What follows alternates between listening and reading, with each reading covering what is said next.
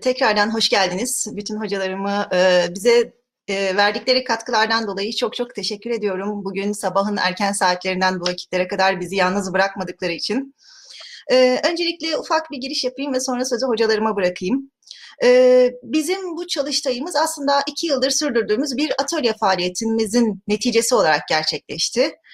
Biz Memlük Entelektüel Tarihi Halkası üyeleri olarak alanımızı Memlükler dönemi ilmi, uleması ve medresesi üzerine, ilmi faaliyetleri, uleması ve medresesi üzerine odaklandırdık ve bu sınır dahilinde çalışmalarımızı gerçekleştiriyoruz.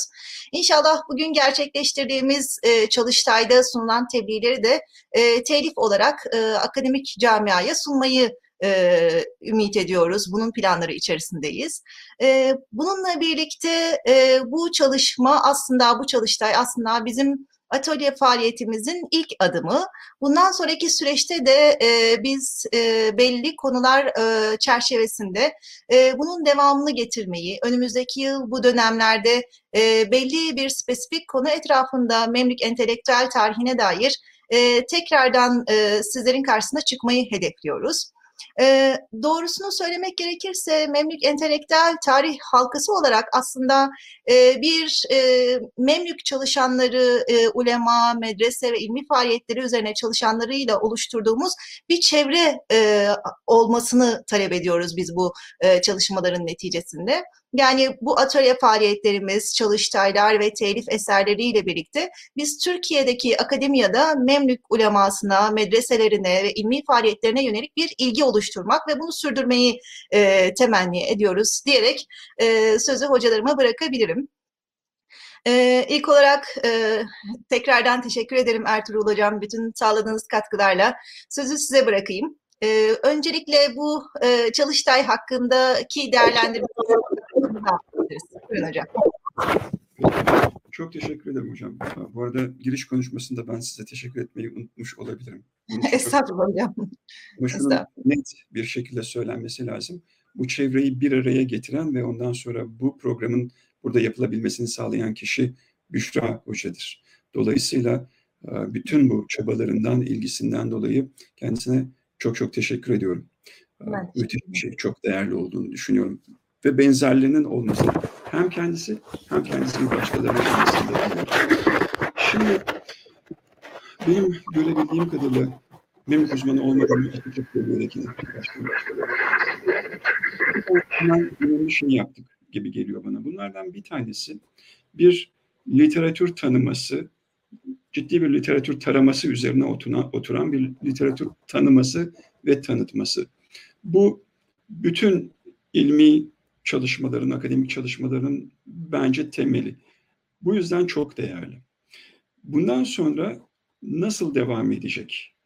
Yani burada söylenilen şeylerin bir telife, bir kitaba dönüşeceğini tahmin ediyoruz. Bu olacak ama daha da ileriki safhada ne olacak? Ee, şöyle notlarıma bir göz attığımda e, bir metot meselesi var gibi geliyor. Hani birçok konuşmadaki bazı önemli temaları kendimce bir araya getirdiğim zaman e, çeşitli yerlerde biz aslında metot arıyoruz gibi görünüyor bana. Mesela nerede metot aramaktayız? Hukuki çoğulculuk meselesini ele alırken ki burada e, Tuncay Hoca'nın bir yorumu vardı. Aramayınca bulunur. Yekpare hukuk sistemi olmaz. Bence çok önemli bir cümle. Tabii bu şekilde yaklaşmak zorunda değil insanlar, araştırmacılar. Fakat burada e, metot düşüncelerine ihtiyacımız var. Aynı şekilde e, ameli hayat hukuki tefekkür denildi. Yeteri kadar çalışıldı mı, çalışılmadı mı? Bunların tarihi bağlamı nedir? Yine istenirse metoda bağlanabilir.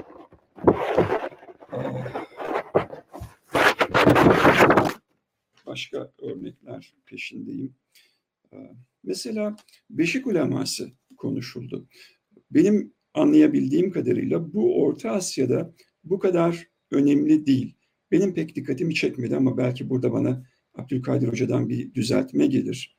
Ee, bölgeler arası karşılaştırma yapmak, buradan gidilecek yer bu olabilir. Bu da metodun bir parçası olabilir. Bu arada tek bir metottan bahsetmiyorum.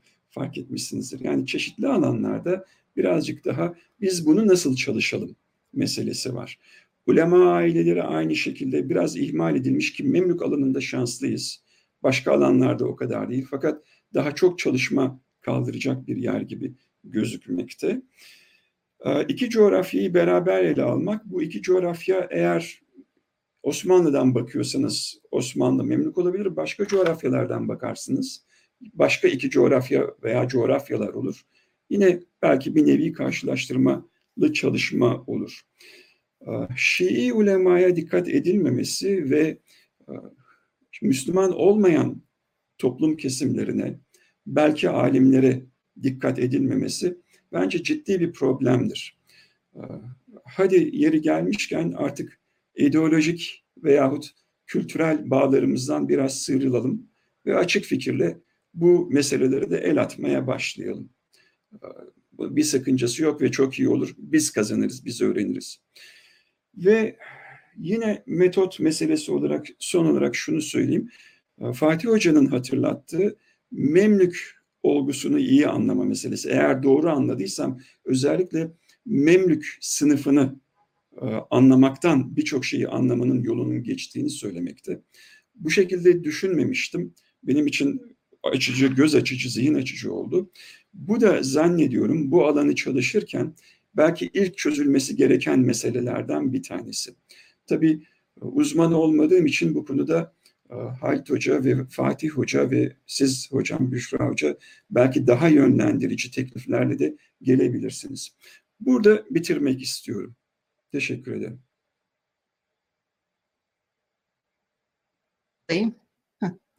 Biz teşekkür ederiz hocam katkılarınızdan dolayı. Bizim için gerçekten çok değerli katkılarda bulundunuz. Şimdi hemen sözü Tuncay hocama vereyim. Alana dair katkılarını, değerlendirmelerini almak istiyoruz. Gerçekten çok hocalarımızın değerlendirmeleri noktasında çok meraklıyız biz. Buyurun hocam. Evet, bayağı uzun bir gün oldu e, masa başında oturmak yorucu ama e, tebliğler güzeldi gerçekten. Ben sabahtan beri tüm oturumları dinledim. E, öncelikle tebrik ediyorum genç arkadaşları. E, gerçekten iki yıllık bir çalışmayı böyle bir çalıştayla taçlandırmışlar. Bunun inşallah kitaba da dönüştüğünü görürüz. Daha ayrıntılı olarak e, bu literatür üzerine yaptıkları e, güzel araştırmayı okuma fırsatı buluruz.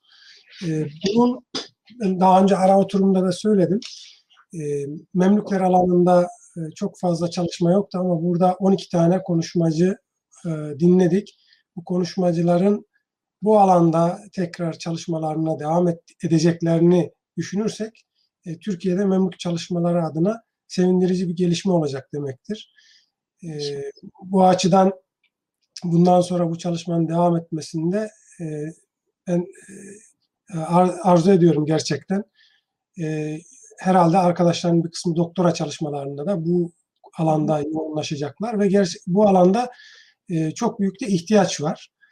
E, tabii e, birkaç e, eksiklikle başlayayım. E, yani bunlar bir eksiklik değil bu çalıştay için ama hani Türkiye'deki Memlük e, çalışmaları bundan sonra gelişecek ve ilmi entelektüel ortam hakkında daha detaylı bilgi edineceksek burada e, mesela kelamla ilgili, akaidle ilgili konulara dair bir eksiklik vardı. İslam ilimler ağırlıklı ve tarih ağırlıklı bir e, oturum oldu bu oturumlar. E, kelam e, ve tabii oradaki e, kelama girerken e, dinler, ve mezhepler tarihiyle ilgili yazım var mıdır veya çalışmalar var mıdır? Ee, bunlar üzerine de bir çalışma yapılabilir. Ee, nitekim Karafi'nin böyle bir eserinin olduğunu, bu eserin Osmanlı'da da çok sayıda nüshasın e, geldiğini biliyoruz. Ee, Osmanlı kütüphanelerine. Buna benzer çalışmalar e, hani gayrimüslimlerle ilişkiler konusunda da bize ışık tutabilir. Bu bir alan. İkincisi tabii e, tasavvufla ilgili son konuşmacımızın güzel bir sunumu vardı. Fakat tasavvuf konusunda hala e, çok yetersiz. Ben benim e, mesela zihnim muğlak. Hala muğlak. E, tasavvufun çok canlı olduğunu e, görüyoruz, biliyoruz ama ne yani Osmanlı ile karşılaştırdığımızda mesela tarikat olgusu neydi orada nasıl bir şeydi devletle ilişkisi siyasetle ilişkisi bağlamında işte hankahların farklılığını sunumda biraz daha gördük. Yani tasavvuf konusunda biraz daha e, çalışmaya ihtiyaç var. İbn Arabi tasavvufu ve İbn Arabi dışındaki e, mutasavvıflarla ilgili çalışmaların zenginleşmesi gerekiyor. E, bir başka alan e, doğrudan belki tarihçileri ilgilendiriyor. Batı'da buna dair bazı çalışmalar var. E, Memlük dönemi ekonomisi ve demografisi üzerine e, ciddi çalışmalar var. Bunların bir kısmı Makrizi etrafında dönüyor gene ama e, burada da daha bu konu üzerine gidilebilir ve daha detaylı çalışmalar yapılabilir. E, Memlükler döneminden bize arşiv belgelerinin gelmemesi, yeterli sayıda işte şeriye sicili gelmemesi, mahkeme sicili gelmemesi bir eksiklik ama öbür taraftan e, binlerce kitap geldi. E, ve bu kitapları biz elektronik ortama e, birçoğu aktarılıyor, aktarıldı. Bunların üzerinden e, bir e, kazı çalışması, detaylı kazı çalışması yaparak birçok veriye ulaşabiliriz, bilgiye ulaşabiliriz. Bu açıdan da zengin bir araştırma alanı sunuyor Memlükler dönemi. E, süreklilik açısından e, tabii Memlükler döneminin e, tüm İslam dünyasından gelen alimlerin sığındığı, buluştuğu bir e, ilim çevresi olduğunu görüyoruz. Hem batıdan, Mağrip bölgesinden hem Orta Asya ve İran bölgesinden hem de Anadolu'dan çok sayıda alimin buraya gelip gittiğini, bir kısmının yerleştiğini biliyoruz. Bu etkileşimleri izlemek, e, gelen alimlerin e, hangi dönemlerde yo- yoğun olarak geldiğini takip etmek, bunların ilişki ağlarını ortaya çıkarmak, ulema çalışmaları ta, e, bütün olarak söyleyecek olursak e, önemli bir alan olarak karşımızda duruyor. Yani literatür çalışmalarını biz bir yandan kurum çalışmalarıyla bir yandan da e, ulema çalışmalarıyla destekleyebilirsek e, Memlük e, ilmi hayatına dair ciddi bir zemin oluşturmuş, ortaya çıkarmış oluruz diye düşünüyorum. E, Memlüklerin, Memlük dönemi alimlerinin kendi eserlerinin içine girerek o dönemde neler tartıştıklarını e, inceleyerek entelektüel hayatı, tabii bu söylediğim şeylerin üzerine e, nasıl e, bir e, ilmi ortam olduğunu daha rahatça görebiliriz. E, esasen fıkıh usulü ve fıkıh alanındaki çalışmalarda e, bunu yavaş yavaş görmeye başlıyoruz, başladık. Burada e, e, ilk oturumda, ben sözü biraz uzatıyorum galiba ama e, hemen bunlarla ilgili kısa şeyler söyleyip bırakacağım. E, ilk oturumda e, gerçekten e, e, farklı yönleriyle Memlük dönemi hukuk sistemine, fıkıh çalışmalarına temas edildi. E, burada mezhepler, mezheplerin birbiriyle ilişkisi ve bunların mahkeme hukuk e, sürecindeki ilişkileri, etkileşimleri, e, varsa çatışmalar, üzerine yoğunlaşacak çalışmalar. Bu e, dört mezhep uygulamasının bir gerçekten çoğulculuk mu olduğunu veya nasıl bir siyasetle bunun yönetildiğini bize bize gösterecek gerçekten ilginç bir uygulama. Hı hı. Yani kim neye göre hangi mahkemeye, hangi kadıya gidiyordu? Bu e, henüz cevaplanmamış bir şey. E, mezalim mahkemeleri e, son 100 yıldır ilgi konusu oldu. Büyük bir literatür oluştu dedi e, e, o konuyla ilgili sunum yapan arkadaşımız. Gerçekten hala bu e, konu üzerinde çalışılmaya devam edilecek gibi gözüküyor. E, bir bütün olarak tabii e, Memlük hukuk sistemi e, üzerinde çalışılması gerekiyor. E, bize bu hukuk sisteminin belki karşılaştırmalı olarak Osmanlı'yla veya öncesindeki Abbasi sistemiyle farklarını, benzerliklerini ortaya koyacak çalışmalara ihtiyaç var. Ee, hadis çalışmaları noktasında e, benim dikkatimi çeken bir şey var. Hadisçi olarak, e, tarihçi olarak bildiğimiz pek çok isim aynı zamanda hadisçi. Yani hı hı. da özellikle incelenmesi gereken bir husus. Malum e, Memlükler döneminin en önemli e, ayırt edici özelliklerinden birisi tarihçilik hususu. E, büyük tarihçiler yetişmiş. Bu hususta ben e, İslam tarihinin öncesi önceki tarihçiliğini aşan bir tarihçilik olduğunu e, söylüyorum. Fa- Fatih Hocam belki bu konuda farklı düşünebilir ama veya benzer e, daha farklı şeyler söyleyebilir. Gerçekten burada o kadar büyük tarihçiler yetişmiş ki e, dünya tarihçiliği anlamında, e, İslam tarihçiliği anlamında buna da özellikle bir kafa yormamız gerekecek. Bu tarihçiler e, ne yaptılar ve hadisle ilişkisi nedir bu bu işin? Hı hı. E, tabii e, ulema konusuna, e, ulema mansıplar, ulema literatürü konusuna değinildi. Üçüncü oturumda. İkinci oturumda e, e, özellikle eğitim, medreseler konusuna değinildi. Bunlar e, çalışılmaya devam edilecektir. E, dördüncü oturumda popüler kültür bağlamında Osmanlı ve Memlük ilişkisi üzerinde duruldu. Osman, e, burada merak edilecek önemli konulardan birisi biz hep ilim geleneğimizin, Osmanlı ilim geleneğinin e, Doğu e, İslam dünyasıyla daha irtibatlı olduğunu düşünüyoruz. Bunda da e, haklılık payı yüksektir. Fahrettin Razi ekolü ve sonrasının Gazali ve sonrasının e, burada etkisi var, devamlılık var. Yine Hanefi e, fıkıh çalışmaları açısından böyle bir devamlılığı görürüz ama Memlüklerin de e, Osmanlı üzerinde ne tür bir etkisi var? Ki Osmanlılar oradaki yönetimi ele geçirdikten, o bölgenin yönetimini üstlendikten sonra da bu etki devam etmiş midir? Nasıl bir şekillenme olmuştur? Ee, Osmanlı sonrasında veya etkileşim olmuştur. Bu da e, önemli bir araştırma alanı olarak duruyor. Ben e, sonuç olarak bir şey daha söyleyeyim. E, bu literatür çalışmasına özellikle Arapça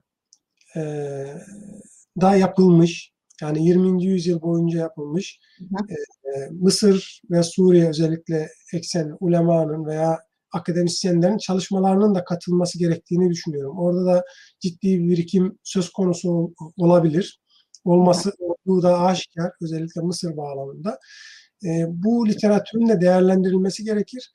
Hatta yapılabilirse e, Türkiye'de artık çok sayıda genç e, Suriyeli, Ürdünlü, Filistinli, Mısırlı akademisyen, genç araştırmacı var.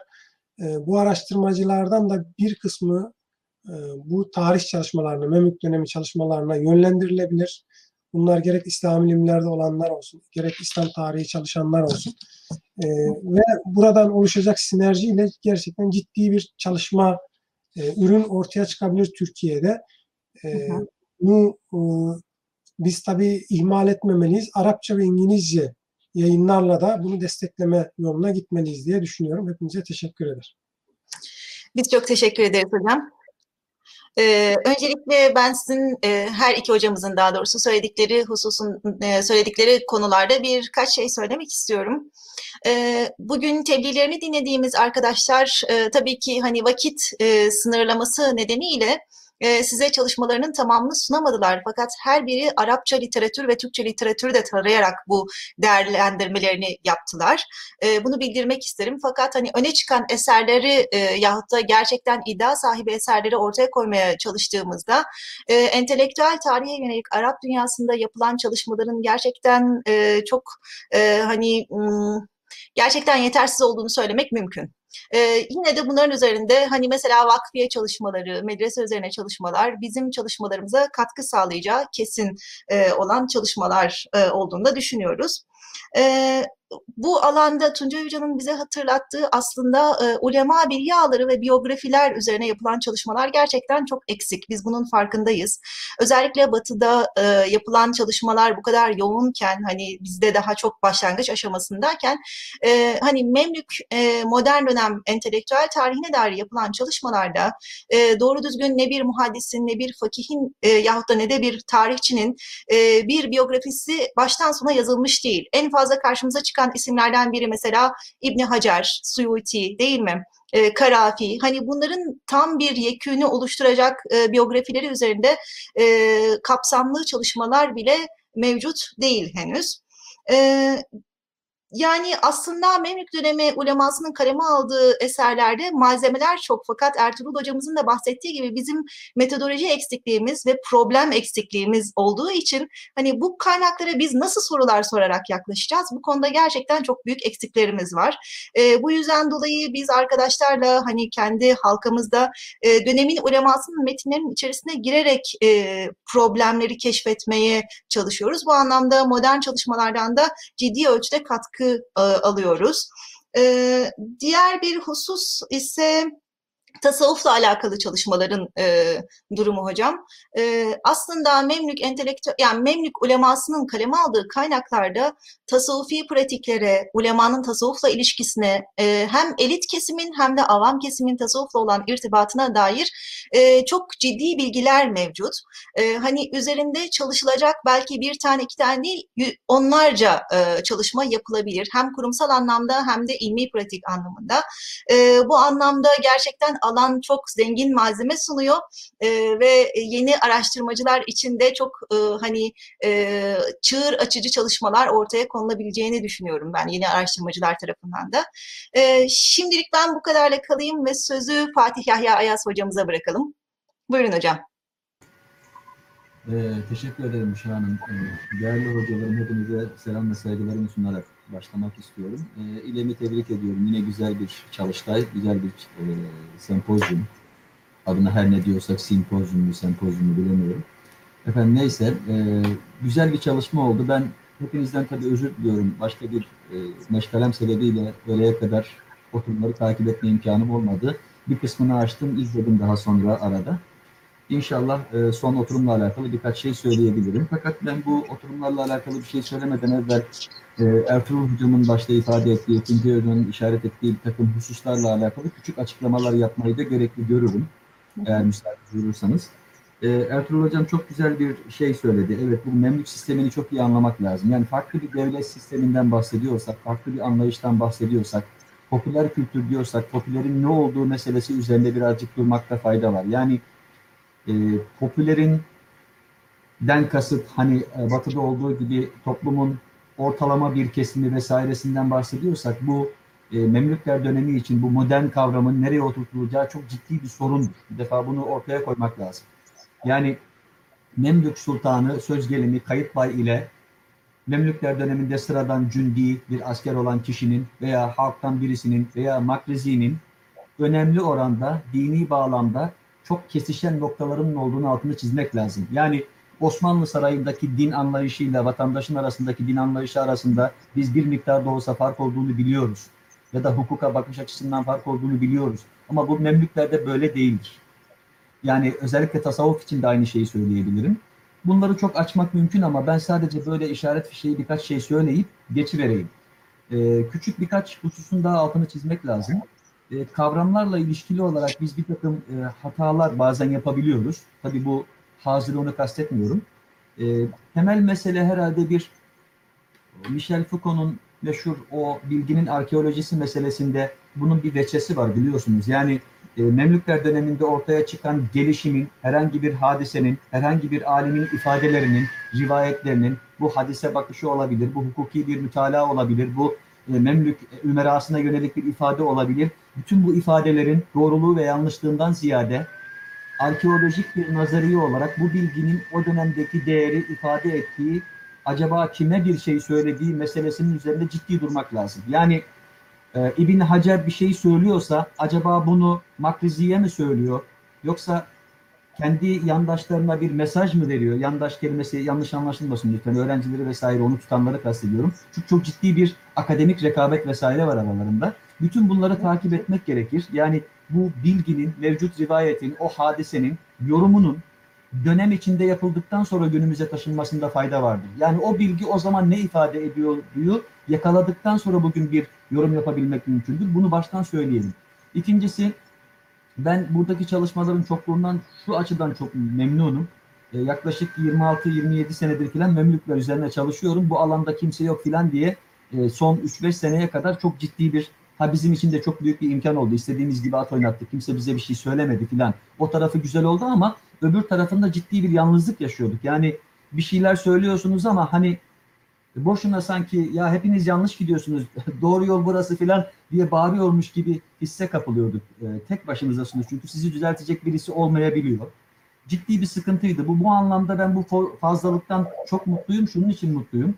Hani e, bazen geçen gün bir e, makalede okumuştum. Çok hoşuma da gitmişti aslında. Türkiye'deki entelektüel ortamın e, fakirliği veya üretimdeki azlık bizim gençlerimizin farklı kültürlere yönelmesinin önemli gerekçelerinden bir tanesidir.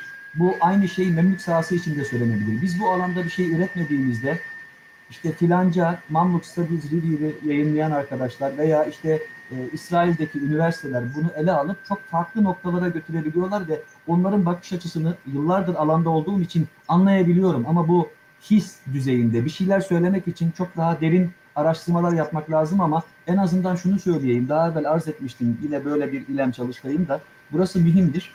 Yıllarca biz David Ayalo'nun, müteveffa David Ayalo'nun e, Türk Memlükler, Çerkez Memlükler e, ayrımı üzerinden fikir beyan ettik. Bu öyle değildi. Bu devlet hep Türk devleti. Ama bunu milli bir sahiple düşüp söylediğimi falan zannetmeyin lütfen. Israrla Türk ve Çerkez ayrımının doğru olduğunu, Burci ve Bahri diye bir ayrım yapılamayacağını, bunun yanlış olduğunu 100 sayfalık bir makale yazar, yazarak bizlere de dikte etmişti. Biz bunu 20 yıl boyunca bu anlayışla okuduk, ettik. Sonradan farkına vardık ki bu böyle değil.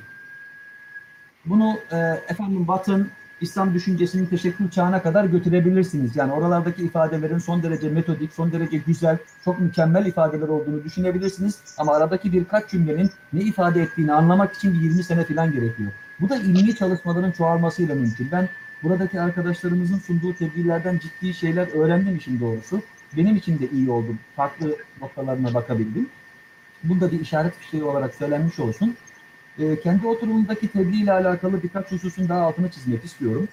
E, yine memlük sistemiyle alakalı da söylemek lazım. Yani bu devletin yapısı, bu devletin bir katman varsa bu katmanlarının tam olarak nereye oturduğu meselesini anlamak lazım. Öbür türlü mesela işte efendim popülerlikten, halkın nasıl yaşadığından filan bahseden bir takım tarihçilerden söz ediyorsak ki çok azdır. Açıkçası gerçekten çok azdır. Herkes bunu çok zannediyor. Öyle değil. Bir tek Makrizi falan vardır. Bu adamların durduğu yere de bakmak lazım. Makrizi muhalif bir tarihçi bir defa. Yani tartışmasız Memlükler döneminin en büyük tarihçisidir. Ama en muhalif tarihçisidir de. Bunun altını özellikle çizmek istiyorum. Bu bir. İkincisi söylemek istediğim önemli bir şey. Bana göre önemli bir şey. Ee, burada bu alanı çalışan arkadaşlarımızın dil farklılığına çok dikkat etmesi gerekiyor. Söz gelimi. Ee, Halit Hocam bilecektir. Sehavi'nin Dav'ul Lami'de kullandığı dil ile Ezeylül Tam'da ya da Vecihül Kelam'da kullandığı dil aynı değildir. İbn Hacer'in Fethül Bari'de kullandığı dil ile İnba'ül Gumur'da veya Ekberül Kamine'de kullandığı dil aynı değildir. Safedi'nin El Vafisinde kullandığı dil ile Ayanül aslında kullandığı dil aynı değildir. İşin ilginç tarafı ulema kesiminin kullandığı, tarih eserlerinde kullandığı ortalama Arapça kendilerinin ilgilendiği, entelijansiyanın kullandığı veya onlara hitap ettiği noktalardaki yazdığı eserlerde fevkalade farklılaşır. İşin ilginci, Baybars El Mansuri gibi devlet adamı, üst düzey bir adamın yazdığı tarihte ise dil son derece ağırdır. Sanki o da entelijansiyanın arasına girmek istiyor gibidir. Yani tarihi onlara yönelik yazıyor. Biz de bunları yazıyoruz der gibidir. Der ki bunu ben böyle anlıyorum. Ama öbür tarafta İbn Hacer'in kullandığı dile bakıyorsunuz. O kadar kolay ki ben bile anlayabiliyorum Arapçasını. Rahatlıkla okuyup bir şeyler söyleyebiliyorum. Makrisi hakeza. Ama Sehavi'nin Dav'ullami'ne geldiğinizde yani saçınızı başınızı yolacağınız noktalar geliyor. O kadar zorlaşabiliyor. Gibi. Bu e, dil farklılığından bizim çıkarabileceğimiz bazı şeyler olacağını düşünüyorum. Sadece bir tanesini söyleyeyim. Tarih eserleri çok okunuyor. Yani bizim klasik hadis kültürümüzde halkalar kurulurken tarih içinde halkalar kurulduğunu çok iyi biliyoruz. Çünkü sahabi Makrizi için diyor ki onun kaleminin keskinliğinden korkulduğundan ona çok rağbet ediyorlardı diyor. Yani bir yönüyle. Böyle bir tarafı da var. Yazdığınız okunuyor çünkü. İnsanlar okuyor ve bu dil farklılığının sebebi de bu. Yani insanlara yönelik tarih yazıyorsunuz. Bu o kadar yaygınlaşıyor ki arkadaşlarımız söylediler Kütübi'nin Fevatül Vefeyatı da böyledir. İşte efendim Hatip El Cevheri'nin eseri de böyledir. Yani birazcık avamdan sayabileceğimiz adamlardır bunlar. Ama bu yetmiyor. Memlük tabakasında cündi olan yani emir rütbesine ulaşamamış sıradan bir asker bile Memlük askeri teşkilatı ile alakalı oturup eser verebiliyor. Ve bu elden ele de geziyor. Dolayısıyla bu yaygınlık acayip garayip edebiyatına götürüyor işi. İki başlı, iki başlı doğan şey, çocuk, işte efendim şöyle kedi, böyle bir sürü hikaye. Bunu özellikle Cezeri'de ve Şamlı tarihçilerde biz çok görürüz. Yani bu dil farklılığının iki yönünü de görmek lazım benim tespitlerime göre. Onları söylemiş olayım. Efendim onun haricinde herhalde sözü çok fazla uzattım. E, son olarak şunu söyleyerek e, bitirmek istiyorum. E, Memlükler sahasında kelam meselesine temas etti. Herhalde Tuncay Hocam'dı. Çok isabetli bir şey hocam bu. E, kelamla alakalı bir tek şeyi söylemek lazım. İbn Haldun herhalde noktayı koymuş. E, El kelam fi zamanina gayru zaruriyin fi zamanina ifadesini kullanıyor hocam. Şimdi bu ifadeyi ve arkasını çok iyi görmek lazım. Arkasını görüyorsunuz. Zaten siz e, bu manada çok daha iyi e, bunu açıklayabilirsiniz. Memlük döneminde ulemayı anlamak, Memlük döneminde ulemanın birbirleriyle münasebetlerini ve topluma bakışını anlamak bakımından tasavvuf çok önemliyse eşarilik ve şafilik de bir o kadar önemlidir. Yani bu şafiilik, eşarilik meselesini çözmediğimiz sürece veya bunun üzerine imali fikirde bulunmadığımız sürece sanıyorum ne bu kelam meselesi ortaya çıkar ne de aralarındaki ilişkiler meselesi ortaya çıkar. Bunu sadece şu örnekle izah edeyim. Ee, tabii görebildiğim kadarını söylüyorum. Ee, Sehavi bir anlamda hocası olan Makrizi'ye çok ağır tenkitler ileri sürer. Çok ağır tenkitlerdir bunlar. Fakat bu tenkitlerin içerisinde ilginç bir nokta da vardır. Yani kendisi Şafiliğe geçmiştir ama ve yemilu ile zahiriye filan. Zahiriliğe de meyli vardır şeklinde ifade kullanır. Adam çok açık bir şekilde Şafii olduğunu, İmam Şafii'yi çok sevdiğini, sayfalarca yüz sayfa hayatını anlatır şeyde El Mukattal Kebir'de. Ama bunları yeterli bulmaz. Yeterli bulma işinin sebebi kendisini yeterince beyaz Arap, beyaz Türk görmez Makrizi'yi, e, Sehavi. Bunun görmemesinin değişik sebepleri vardır. Bu eşarilik meselesi o kadar ağır da bir meseledir ki sadece Şafiilik yetmez. İmam Zehebi'nin filanca yere görevlendirilmesini eşarilik konusundaki tenkitleri sebebiyle orada nazil olması hem Şafii hem Eşari olması şartına bağlıdır. Kardeşim buna rağmen orada nazil olmuştur diye Sübki ağır bir şekilde anlatır. Dolayısıyla Sübki'ye, Sehabi'ye falan bakıp bu Şafii Eşari meselesinin üzerinde yani hem hukuki mezhep bağlamında söylüyorum hem kelam bağlamında söylüyorum. Çok şeyi değiştirebilecek bir takım şeyler içerdiği kanaatim değil. En azından benim kanaatim bu. Bu manada da bakılması gerektiğini ifade etmek istiyorum. Tekrar sizlere böyle bir çalıştayı düzenlediğiniz için çok teşekkür ediyorum. Uzattığım için de özür diliyorum. Hürmetler ediyorum. Rica ederiz hocam. Çok değerli katkılarınızdan dolayı gerçekten bizim için çok değerli oldu bu katkılar. Ee, sizin e, bahsettiğiniz hususlardan en sonuncusu üzerinden e, birazcık e, lafı alayım ben. E, doğrusu bu mezhepler üzerinde çalışmalar hani hem kelami mezhepler hem de fıkhi mezhepler üzerinde çalışmalar e, açıkçası modern dönemde daha fazla kazaya ya da hukuki davalara düştüğü ölçüde ele alınıyor. Yani eğer ki bir mesele mezalim mahkemesine ya da darul adde düştüyse bu mesele ele alınıyor. Halbuki ulemanın ilmi pratikleri ya da sosyal hayatında mezheplere yönelik yaklaşımları, ders halkalarında farklı mezhepten öğrencileri almaları ya da kendilerinin kendi mezheplerinin dışında bir alimin dersine katılmaları noktasında eserlerine farklı alimlerin mezhep yani farklı mezheplerden alimlerin e, eserlerinden alıntı yapmaları ya da istifade etmeleri noktasındaki yaklaşımları daha üzerinde çok çalışılabilecek meseleler. E, bu anlamda modern çalışmaların hani işin sadece dış görünüşüyle yetinmesi aslında işin gerçekliğini bize çok da yansıtmıyor. Bu anla yani bu nedenle bizim tabakat eserlerinin detaylarına girip e, meselenin gerçekliğini daha iyi tasavvur edebilmemiz gerekiyor açıkçası. E, diğer bir husus biz bu e, hani e, çalışmalar esnasında şunu da çok önemli olduğunu gördük. E, mesela e, Memlük topraklarına işte Mavera Nehir'den ve Horasan'dan gelen pek çok alim var. Bu insanlar buradan gelirken oradaki bilgi birikimlerini de buraya getiriyorlar. İşte Cürcani, Taftazani talebeleri, Ala Türkmani gibi isimler buraya geliyor ve burada kendi bilgi birikimlerini değerlendirdikleri, aktardıkları halkalarda devam ettiriyorlar. Aynı şekilde Endülüs ve Mağrip'ten gelen Maliki ulema da e, getirdikleri kütüphanelerle, ilmi birikimlerle, ulema aileleri olarak gelerek buraya kendi birikimlerini aktarıyorlar. E, hem ulema aileleri hem de bu getirdikleri bilgi birikiminin üzerinde yapılacak çalışmalar da bundan sonraki çalışmalarda çok ciddi bir değer taşıyor. Son olarak hocam Ertuğrul Hoca'nın e, söylediği bir hususa da değinmek istiyorum. Bu Memlük tarih alanında, gerçi Tuncay Hocamız da değinmişti, Memlük tarihçiliği alanında yazılan özellikle e, Kafiyeci, Su, Sehavi, Suyuti gibi isimlerin kaleme aldığı tarih metodolojisi e, anlamında bir anlamda anlayabileceğimiz eserlerin e, bir taraftan mesela e, Timur Havzası'ndaki versiyonlarıyla birlikte mukayeseli olarak çalışılması belki de her iki havzada bu iş nasıl anlaşılıyordu ve bir tarihçi bakış açısı aynı dönemlerde yatay mekanların mukayesesiyle nasıl ele alınıyordu? Bunu görmek bağlamında bize çok ciddi bilgiler sunabilir. Bu gerçekten çok değerli. Bunun üzerinde de daha yapılacak e, önemli çalışmalar olduğunu düşünüyorum. Buyurun hocam. Özür dileyerek, hocalarımdan da çok özür dileyerek, tarihçilik konusuna girince benim o alert noktasıdır. Böyle hemen alarm verir tarihçilik falan deyince e, aklıma hemen geldi. Onun için çok özür diliyorum. E, Ben Memlük tarihçiliği üzerine ciddi şekilde e, biraz kafa yordum. Ne kadar ne üretebiliyorum bilmiyorum ama yani bu konulara çok ciddi kafa yorduğum için söylüyorum. Yani Memlük tarihçiliği ile alakalı söylediklerinizi e, çok önemsiyorum. Kafiyeci meselesi falan çok mühim. Aslında bizim e, şunu çok net bir şekilde ortaya koymamız lazım. Hani e, Ranke'den sonra ve Ranke'den önce e, hikayesi var ya bu Annales ekolü ortaya çıkması, üzerine bir dünya tartışmanın yapıldığı filan.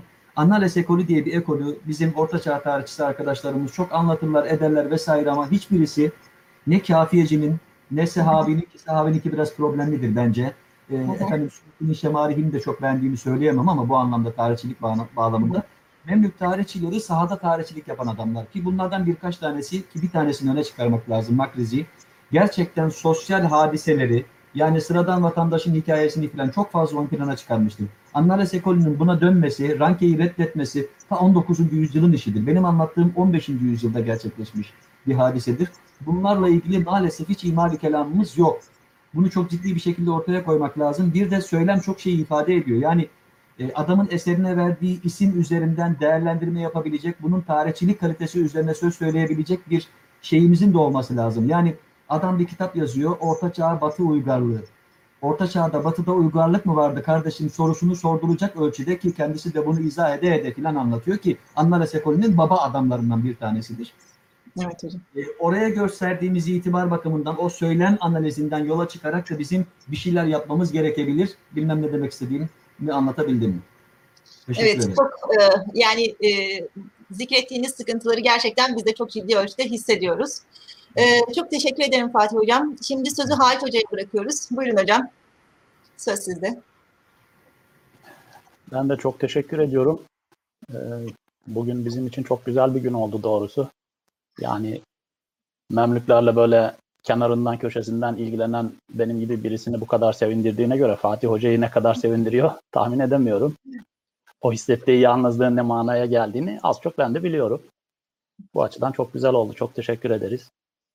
Teşekkür Gerek ilmi anlamda sizin yönlendirmeleriniz için Büşra Hanım, gerek e, arkadaki destek açısından İLAN'daki arkadaşlara, çalışanlara öncelikle teşekkür edeyim. Yani hocalarımızın söylediklerinin üzerine ben e, küçük birkaç şey ilave ederek değerlendirmemi yapmak istiyorum. E, Memlük Osmanlı ilişkileri açısından neler yapılabilir? Hadisçilik açısından e, ne görüyoruz? Ona dair bir şeyler söyleyeceğim. Yani Memlük Devleti'ni yıkanlar olarak bizler bundan ne kadar istifade ettik? Bunun üzerine ciddi şekilde durmamız gerekiyor. Yani Osmanlı ulemasını, Memlük uleması mesela ne kadar etkiledi? Gerek iki devletin aynı anda bulunduğu dönemlerde etkileşim nasıl oldu? Bunların arasında gidiş gelişler, Hı hı. eser alışverişleri, icazet almalar, şunlar bunlar anlamında söylüyorum. Nasıldı? Bunların üzerine çok ciddi ciddi ve detaylı biçimde durmak gerekiyor. Bir. İkincisi Memlükler yıkıldıktan sonra Osmanlı onların tecrübesinden nasıl istifade etti? Buna dikkat etmemiz gerekiyor. Mesela hani örnekler vererek konuşayım. Tabakat yazımı açısından mesela Osmanlı Memlüklerden acaba ne aldı? Yani neyi örnek aldı, ne kadar istifade etti? Yani çünkü Memlüklülerin en iyi oldukları konulardan bir tanesi tabakat yazımı meselesi Hı hı. ve bu tecrübe büyük ihtimalle Osmanlılarda etkilemiş olmalı bir şekilde. Yani ben hani Osmanlı tabakatlarını çok bilemediğim için mukayese Hı anlamında bir şey söyleyemiyorum ama bu meseleye eğilip arkadaşlarımızın, ekipteki arkadaşların mesela bazılarının e, hı. ilgilerini bu alana teksif etmeleri sağlanabilir. Buradan çok şeyler çıkacağına eminim. Bu sadece bir örnek. Tabakat yazıcılığı açısından bir örnek. Eminim başka pek çok açıdan bir etkileşim vardır. Abdurrahman Hoca burada olsaydı muhtemelen o konuda bir şeyler söyleyecekti. Kurumsal eğitim öğretim açısından ne, ne istifade ettik acaba? Yani Memlüklerin hani bu kadar çok eser üretmelerinin, bu kadar çok alim yetiştirmelerinin önemli sebeplerinden bir tanesi onların arkasındaki o kurumsal destek. Onu da sağlayan şey vakıf kurumu. Yani. Osmanlı'da da bu sistemin çok iyi çalıştığını biliyoruz. Benzerlikler, farklılıklar açısından, oradan öğrenilmiş şeyler açısından bu mukayeselerin yapılması gerekiyor. Ve benim en çok merak ettiğim şeylerden birisi mesela bu Memlük-Osmanlı ilişkisi deyince Memlüklerden bize intikal eden kitapların, kütüphanelerin durumudur.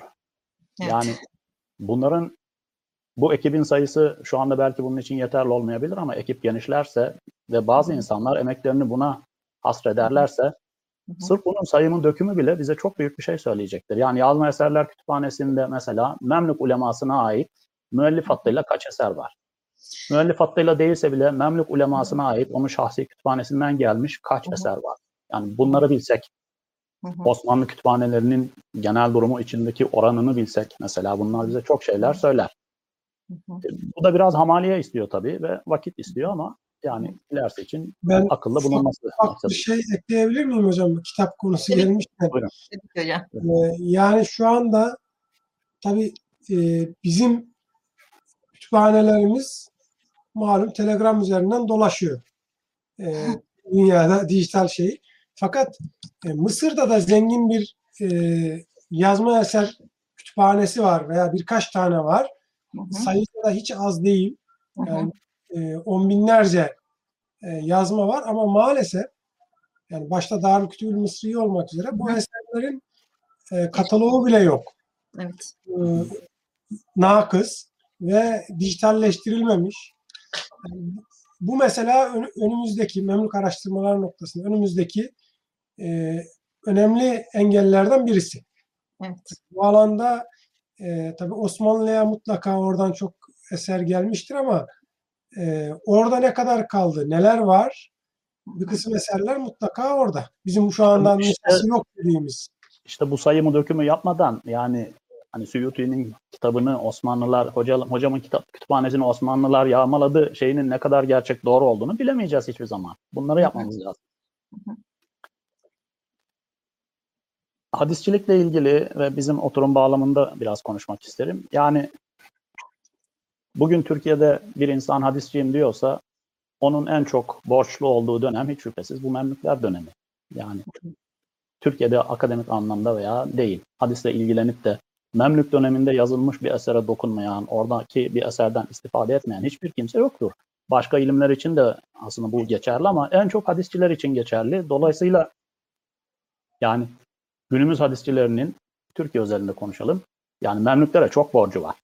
Ve bu borcu bir şekilde ödememiz gerekiyor ve hadisçiler olarak bunun üzerine kafa yormamız gerekiyor. Neler yapılabilir anlamında.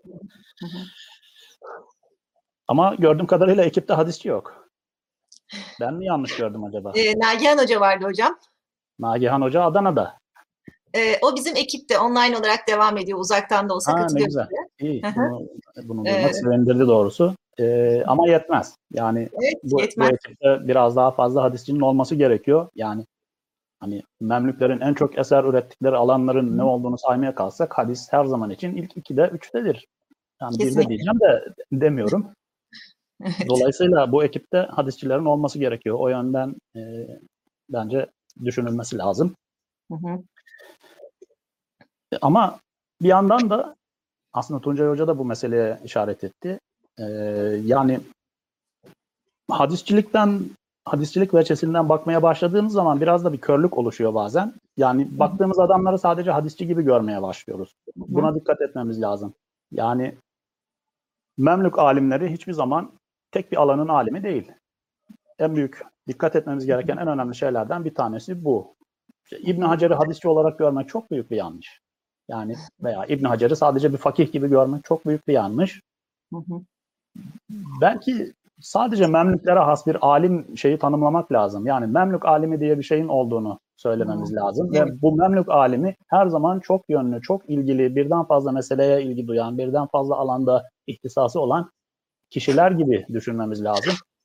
Bu zannederim yani tarihin başka hiçbir döneminde bu kadar çok öncesinde ve sonrasında bu kadar çok yaygınlaşmamıştır. Ve e, hadisçilik açısından mesela tekrar düşünecek olursak Memlük muhaddislerinin önceki döneme nispetle hadis ilmine ne kazandırdıklarını ve sonraki dönemlere kıyasla işte bu Hı hı. tecrübenin ne kadarının muhafaza edilebildiği, ne kadarının geliştirilebildiği ve ne kadarının kaybedildiği hususlarının tartışılması lazım. Mesela Hı hı. zirvesini yaşamış olan hadis ilminin Memlüklerden hemen sonra işte diyelim Osmanlı'ya intikal ettiğimiz zaman birdenbire bambaşka bir veçeye büründüğünü görüyoruz. Yani kıyaslanamayacak kadar düşüş kelimesini kullanmak istemiyorum ama yani hadisçilik alanında yapılan faaliyetlerde bir azalma olduğunu en azından şimdiki bilgilerimiz ışığında hani Osmanlıları henüz çok bilmediğimiz için biraz e, cahilce söylenmiş bir söz de olabilir bu belki ama gördüğümüz manzara itibariyle büyük bir farklılık olduğunda şüphe yok. Yani bu nasıl oldu da böyle oldu acaba gibi bir sorunun da sorulması lazım. Hı hı.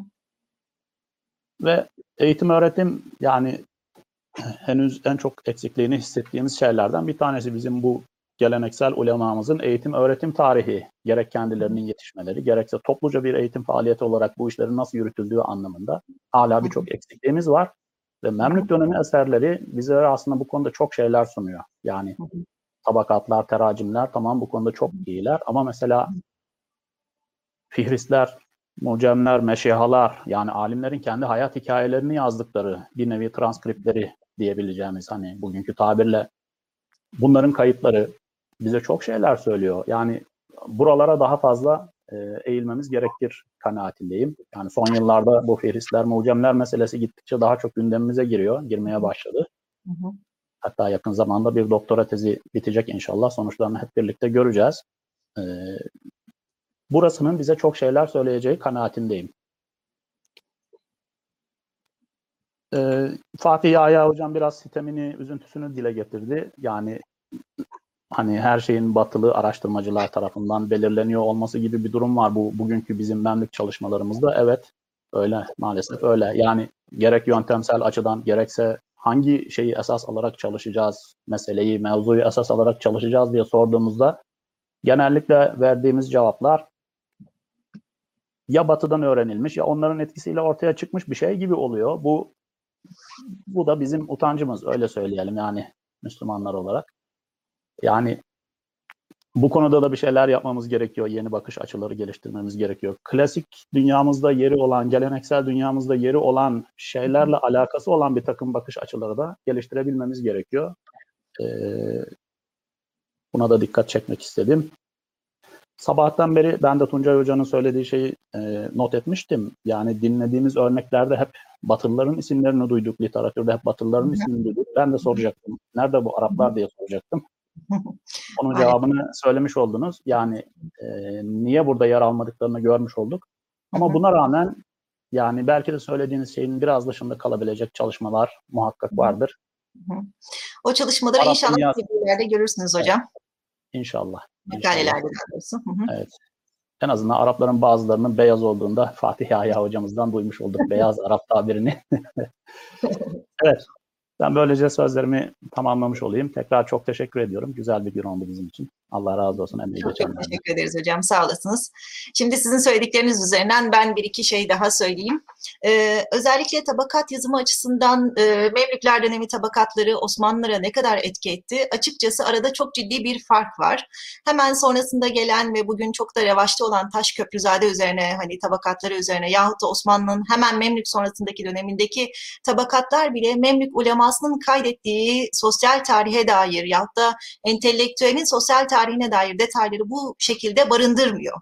Yani çok böyle net birkaç klişe ifadeleri kaydedip geçiyorlar. E, kimden eğitim aldı, nerede yani işte ne zaman vefat etti, nerede mansıp aldı gibi bilgilerle e, sınırlı. Fakat Memlük tabakatlarının biz bu konuda çok ciddi bilgiler e, sunduğunu e, biliyoruz. Biz bu çalışta bu atölye faaliyetine başlarken aslında bir hedefimiz vardı. Memlükler dönemi entelektüel tarihine dair yapılmış olan e, modern çalışmaların bir veri tabanını oluşturmak. İnşallah bu konudaki çalışmalarımız atölyedeki arkadaşlarımız tarafından devam ediyor. E, bu veri tabanını hem Arapça hem İngilizce hem de Türkçe literatürü e, içine alacak şekilde geliştiriyoruz. Bunun haricinde atölye faaliyetlerimizi yaparken sizin şu biraz evvel de değindiğiniz Memlük kütüphanelerinden Memlük ulemasının yazdığı eserlerden ne kadar Osmanlı'ya geldi e, konusunda ise biz e, böyle kendi çapımızda çok da hani irde, daha ileriye götüremeden maalesef bir başlangıç aşamasında e, İstanbul'daki el yazmaları kütüphanelerini, Türkiye'deki el yazmaları kütüphanelerini taradık. Şu şekilde e, yani Memlük ulemasından ileri gelen bir takım isimleri tespit ettik ve bunların eserlerini tespit ettik. Bu eserlerden ne kadarı İstanbul yahut da Türkiye'deki el yazmaları kütüphanelerine gelmiş diye baktığımızda %90'a yakın bir oran bulduk hocam. Yani Osmanlı gerçekten bu kitapların büyük bir kısmını hatta müellif nüshasıyla getirmiş. Biz bunları birebir tespit ettiğimizdeki şaşkınlığımızı inanamazsınız. Kelama dair, akaide dair, tasavvufa dair, tarihe dair, fıkha dair hatta bu sadece Hanefi fıkhına dair bile değil, Şafii, Maliki ve Hanbeli fıkhına dair de pek çok eser müellif hattıyla bugün e, Türkiye'deki kütüphanelerde el yazması olarak mevcut. Bunların üzerinden daha çok çalışılacak e, husus var. E, yani Batılılar yapıyor diye hani kendimizi kötü görmemize gerek yok. Açıkçası çalışılacak çok mesele var ve onlar geliyorlar buradaki kütüphanelerde çalışıyorlar. E, bu kurumsal mukayeseye gelince ise Memlük medreselerinin bu külliye yapısı içerisindeki hankah, zaviye, kütüphane e, ve diğer kurum yani diğer birimleri bulunan yapının aslında Osmanlı'ya bayağı bir etki ettiğini söyleyebiliriz. Hatta medresenin içerisinde okutulan e, müfredatın dahi Osmanlı'nın ilk kurulan medreselerinde m, takip edildiğini söyleyebilecek kadar elimizde veri var açıkçası. E, fakat e, gelelim hadis meselesine hocam oradan. E, hadis ilmiyle alakalı bizim aramızda e, atölye fa, atölye faaliyetlerimize katılan fakat e, tebliğ bulunmayan bir iki arkadaşımız daha var. E, Mah, e, Muhammed Yakup Kepenek bunlardan birisi mesela. E, fakat Türkiye'deki hadis çalışanlar, e, hadis alanında yüksek lisans ya da doktora yapan arkadaşlarımız genellikle e, ulema, medrese yahut da işte e, hadis alanındaki alimlerin sosyal tarihine dair e, bir şey çalışmak konusunda biraz çekimserler. Ee, mesela biz hadis alanında akademik çalışmalarını yürüten arkadaşlara acaba Memlükler dönemi imla meclislerini çalışsanız e, gibi tekliflerde bulunduğumuzda genellikle geri çekiliyorlar. Yani imla meclisi diye bir pratik var bu dönemde ve biz bunu hani bu kadar yaygın bir şekilde gelişmiş bir pratik üzerinde çalışan bir hadisçi henüz bilmiyoruz. Yahut da e, bir hadis Iraki'nin e, biyografisi üzerine yahut da diğer hadis alimlerinin biyografisi üzerine çalışan hadisçileri henüz e, görmedik. Bu anlamda Memlük alim prototipini e, hani şekil olarak belirlemek teklifiniz gerçekten hani e, şekil şartları itibariyle böyle bir alim prototipini belirleme teklifiniz gerçekten bizim için çok değerli. E, şimdilik ben bunları söyleyeyim ve sözü son olarak Abdülkadir Macit hocama ileteyim. Buyurun hocam. Evet. Ben öncelikle burada bulunan tüm hocalarımızı e, selamlıyorum. Çok teşekkür ediyorum. Gün boyu olan katkılarından dolayı da şükranlarımı sunuyorum. Burada konuşmamın bir ciheti kurumu temsil etme bağlamında, bir ciheti de e, tarih çalışmaları alanında e, bir çalışma yürüten olarak olacak. Bu usta öncelikle Düşen Sıdık Hocama da teşekkür ediyorum. E, tarih çalışma grubu bizim İlmi Etütler Derneği'nin e, lisansüstü, lisansüstü düzeydeki çalışmalarını sürdüren çalışma gruplarından bir tanesi. 10 tane e, ilave çalışma gruplarıyla İLEM'in lisansüstü düzeydeki ihtisas çalışmalarını yürütme hususunda bir e, çalışma trafiği 2010'dan itibaren devam etmiş oluyor. Buralarda bizim e, bütün aslında İLEM'in odaklandığı dört ana tema e, şeklinde bir e, tasnif yapmış olsak tarih bunlardan bir tanesine yer e, ediniyor. Tarih çalışmaları bizim gerek dünya tarihi, gerek İslam tarihi, gerek efendim e, bu tür e, ifade edilen medeniyet havzalarına yönelik tarih çalışmaları e, İLEM'in odaklandığı tarih çalışmalarının merkezinde. Hatta e, eğitim programımızda dünya tarihi ile ilgili esasen bir e, hedefin, dünya tarihi yazıcılığıyla ilgili bir çalışmanın yıllardır süren bir seyrinin olduğunu da ifade edebilirim. Bununla bağlantılı olarak tabii sizin dünya tarihi e, inşa edebilmeniz e, için öncelikle dünya tarihini ortaya koyan bütün unsurları e, gün yüzüne çıkarmış, onlarla ilgili çalışmalar yürütmüş olmanız gerekiyor. Son bir asırdır tabii Osmanlı-Memlük ilişkileri bağlamında ifade edildi. Ancak özellikle Osmanlı sonrası son bir asırdaki Müslüman ulus devletlere baktığımızda tarih boyunca kopuşun bu dönemde olduğu kadar muhtemelen olmadığı bir e, daralmayı yaşıyoruz.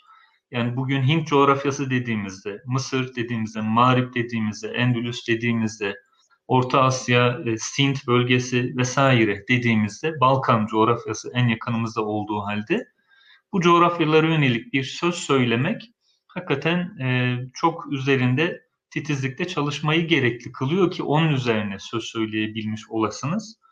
Bu konuda özellikle e, tarih çalışma grubu olarak son birkaç senedir medeniyet havzalarında tarih ve tarihçilik başlığı altında bir çalışma seyri yürütüldü.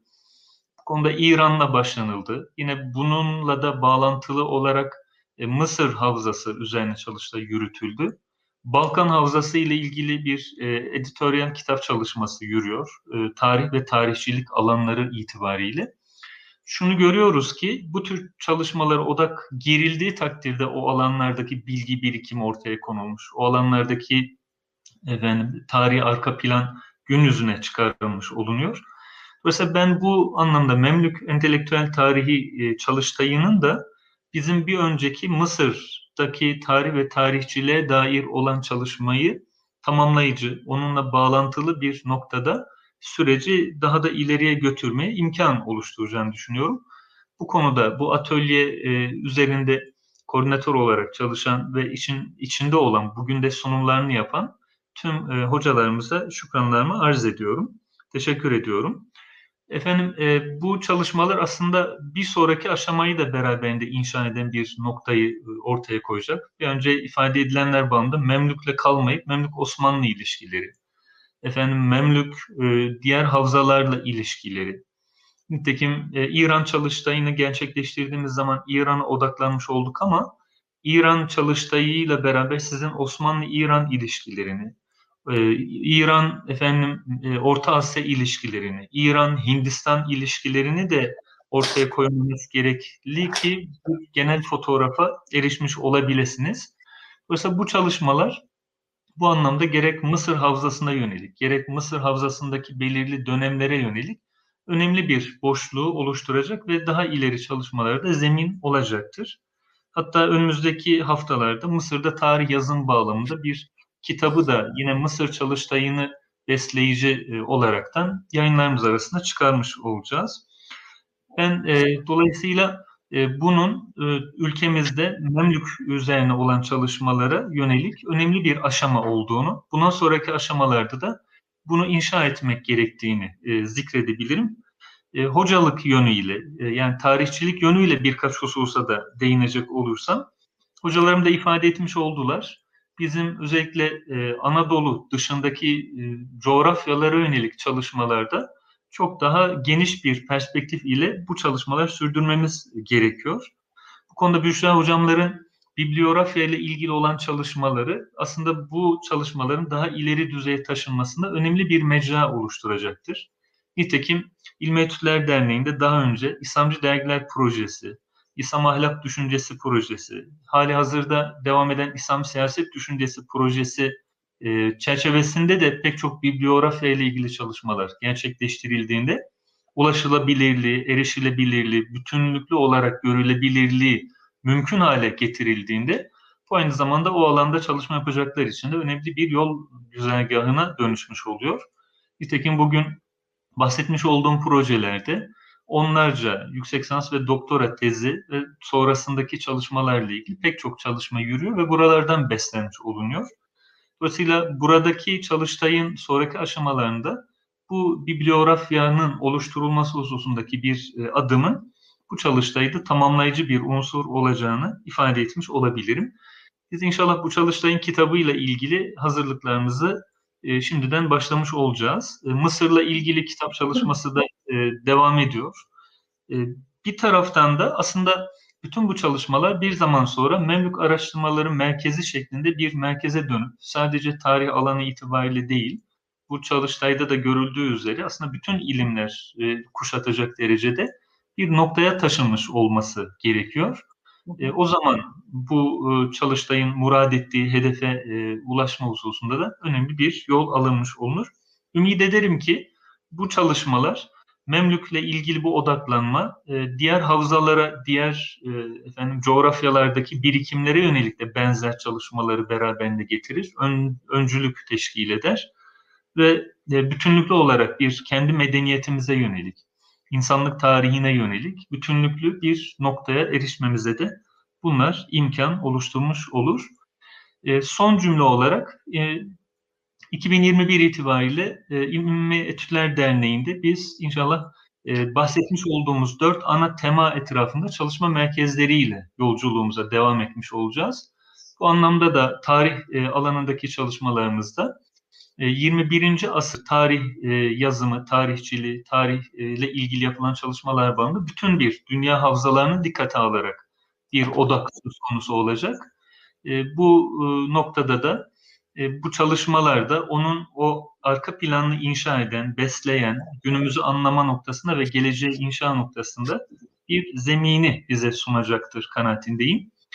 Ben tekrar e, bu çalıştayı organize eden e, Büşra Hocama, Ertuğrul Hocama, düzenleme kurulunda olan Halil İbrahim Erol Hocama ve e, kıymetli katkılarıyla destek veren buradaki Fatih Ayaz Hocam, Tuncay Hocam, Halit Özkan Hocam ve e, emek vererek metinlerini sunan tüm kardeşlerimize kurum adına da çok teşekkür ediyorum.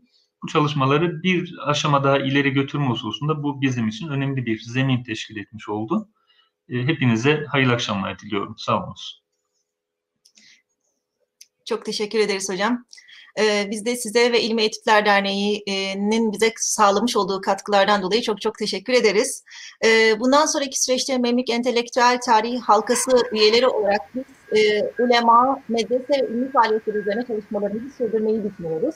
Bu alanda akademik ve ilmi faaliyetlerini devam ettirmek isteyen arkadaşları atölyemize davet ediyoruz. Çok teşekkür ederim hepinize. Fatih Hocam söz almak istiyor sanki Büşra. Aa, buyurun hocam. Ben görmedim hocam. Buyurun. Dilerim. Son sözü söylemek istemezdim. Çok önce istedim ama görülmedi. Estağfurullah hocam. Buyurun. Görmedim ben. Ee, çok küçük bir şey, küçük bir ilave olsun. Ee, bu tabakat kitaplarıyla alakalı söylediğiniz bir şey vardı. O dikkatimi çekti. Ee, acaba bu tabakatların ulema için olanlarıyla düzlera veya şu ara için olanları arasında fark var mıydı? Yani Osmanlı'da vezirlerin ve şeylerin hayatları merak ediliyor da ulema böyle kısaca geçiliyor muydu? Bu soruyu sormak isterim. İkincisi Halit Hoca'nın söylediği mesele İbn İyas'ın Yavuz Sultan Selim tarafından Mısır'dan götürülen yüzlerce alim, zanaatkar vesairenin isimleri bellidir. Orada not alınmıştır. O isimler takip edilebilir mi acaba? Yani onun üzerine bir çalışma yapılabilir mi? Oradan bir şeyler çıkabileceği kanaatindeyim. Yani Osmanlı tabakatları üzerinden bakılıp ya ne nereye gitmişi görebiliriz. Öbür klasik şeyleri söylemek istemiyorum ama bu bize bir fikir verebilir. Bir de popülerlik kültürü açısından çok küçük bir şey söyleyeyim. Acaba e, bu çalıştayda var mıydı bilmiyorum. Benim gözümden kaçmış olabilir ama e, popüler kültürü anlamak bakımından divanlar ve şiirler de acaba hiç e, görüldü mü? Yani ulemanın şiirler üzerinden aynı bu hayvan hikayeleri, fabul demek istemiyorum ısrarla. Hayvan hikayeleri üzerinden anlatılmak istenen şeylerde olduğu gibi acaba şiirler üzerinden ulema bir şey söylemek istemiş midir? Ki çok iddialıyım bu konuda çok şey var. Özür diliyorum bunu son ben konuşmak istemezdim. Teşekkür ederim. Çok çok teşekkür ederiz hocam katkılarınızdan dolayı.